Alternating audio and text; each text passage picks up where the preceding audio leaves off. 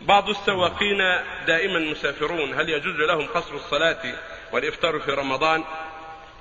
المسافر له قصر الصلاة ولو كان دائما يسافر. له القصر وله الفطر في رمضان. لكن ما دام مستمر في السفر إذا صام مع الناس يكون أنشط له وأسلم حتى لا يثقل عليه الصوم بعد ذلك. وإذا وصل إلى بلده وجب عليه الإتمام يصلي أربعا ووجب عليه الصوم إذا كان في رمضان.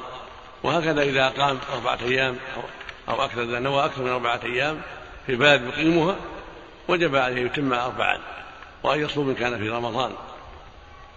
وإلا فالصوم رخصة إذا أفطر في الصوم مثل السفر مثل غيره من الناس أو صلى ركعتين. ولو كان صاحب سيارة دائم يسافر ما دام في السفر له الفطر وله القصر ولكن متى وصل إلى بلاده أتم وصام في رمضان وهكذا إذا نوى في أي بلد. إقامة طويلة أكثر من أربعة أيام أتم وصام.